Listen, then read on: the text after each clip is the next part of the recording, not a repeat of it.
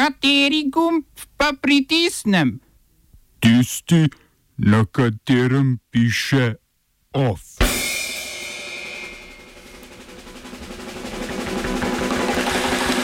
Italijanski senat oduzel poslansko imuniteto Mateju Salviniju. Španska policija aretirala mehiškega koruptopodjetnika Emilija Lozojo.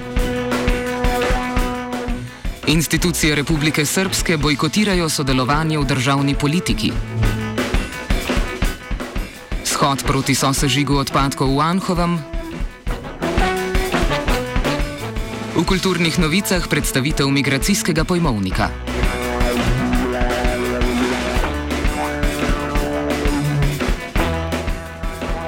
Po več kot pol leta uspešnih skrivalnic je španska policija aretirala Emilija Lozojo Ostina, nekdanjega direktorja mehiškega državnega naftnega podjetja s kratico Pemex. Maja lani je na Lozojino glavo mehiško državno tožilstvo razpisalo tiralico, saj mu očitajo, da je med letoma 2012 in 2016, ko je vodil Pemex, sodeloval v številnih podkupovalnih aferah povezanih z brazilskim podjetjem Odebrecht. Najodmevnejša je bila afera z gradnjo tovarne gnojil, ko naj bi se korupcija odvijala že v razpisnem postopku, pa tudi kasneje je tovarna klavrno propadla zaradi odtekanja dobičkov v žep na mesto nazaj v podjetje. Lozoja se bo danes odločil, ali se bo prostovoljno vrnil na sojenje v Mehiko, sicer bo 40 dni sedel v španskem priporu, dokler ne bodo pravniki v njegovi domovini napisali uradne zahteve za izročitev obtoženca. Mehiškemu predsedniku Andresu Manuelu Lopezu Obradorju se z aretacijo nasmiha prva zmaga v protikorupcijskem boju, ki ga je obljubljal vse čas svoje predvolilne kampanje.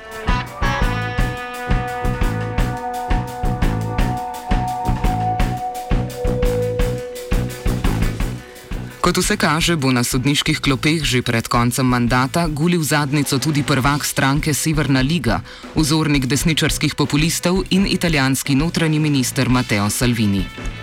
Senat, to je zgornji dom italijanskega parlamenta, je odločil Salviniju v enem izmed postopkov, ki ministra čakajo na sodišču, preklicati poslansko imuniteto. Gre za obtožnico na sodišču v Katanji, ki Salviniju očita, da je med 27. in 31. julijem lani 131 migrantom, ki so bili na ladji obalne straže Gregoreti, ni dovolil izkrcanja. Z ladje so lahko stopili šele, ko je Evropska unija obljubila prerasporeditev migrantov med druge članice Evropske unije. S tem pa naj bi Salvini zlorabil svoj položaj in ugrabil 131 ljudi. S podobno obtožbo se je minister soočil že v preteklosti, a so senatorji marca lani zavrnili oduzem njegove imunitete. Salvini je, kot pravemu staremu političnemu mačku pritiče, oduzem imunitete na spletnih družbenih omrežjih že poskušal obrniti sebi v prid in pridobiti še nekaj voljivcev lige na bližajočih se regionalnih volitvah.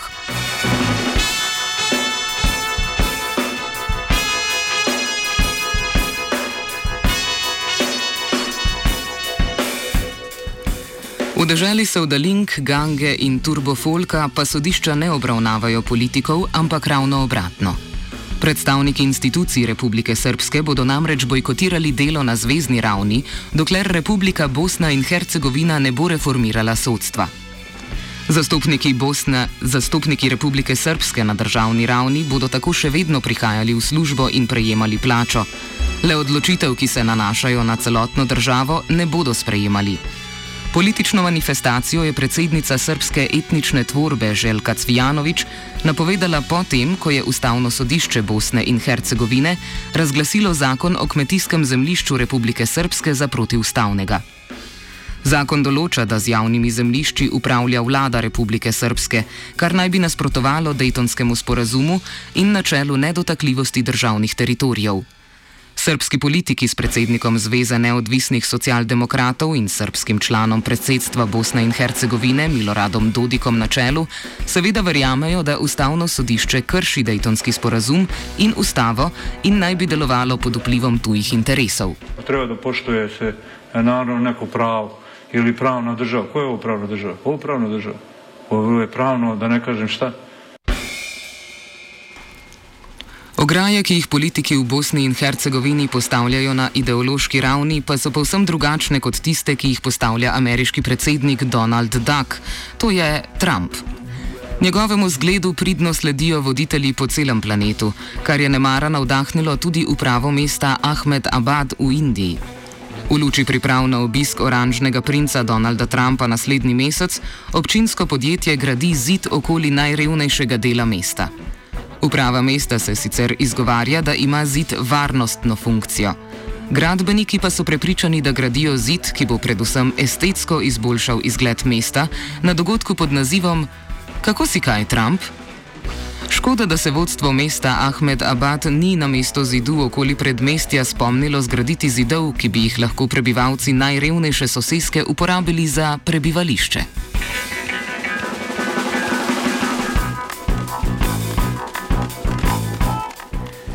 Na mesto zidov pa na kitajskem od izbruha virusa gradijo mostove med narodi.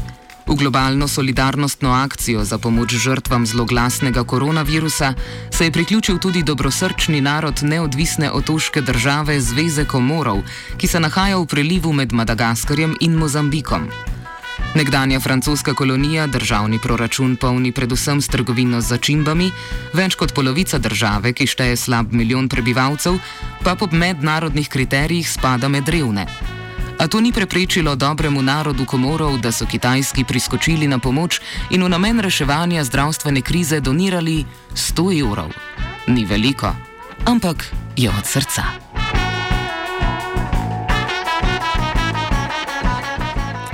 Bratske pomoči pa si je zaželela tudi vlada v Libanonu. Po treh mesecih množičnih protestov, ki so celo nakazovali tendence po zgodovinski spravi med različnimi religijskimi in etničnimi skupnostmi v državi, je libanonska vlada spoznala, da je poskusila vse v svojih zmožnostih. Zato se je obrnila na Mednarodni monetarni fond in ga zaprosila za tehnično pomoč. Želijo si predloge gospodarskih reform in ekipo strokovnjakov, ki bi sodelovala z voditelji Libanona v Bejrutu.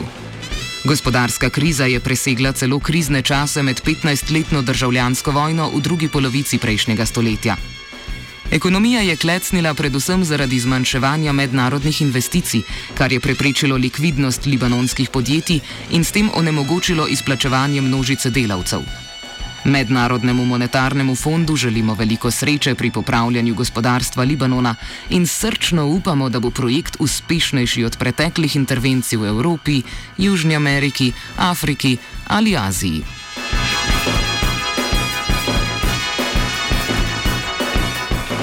Od medsebojne pomoči in bratskih mednarodnih odnosov se selimo k tematiki, ki nam je v dolini Šentflorijanski veliko bolj domača: udiranju v zasebnost.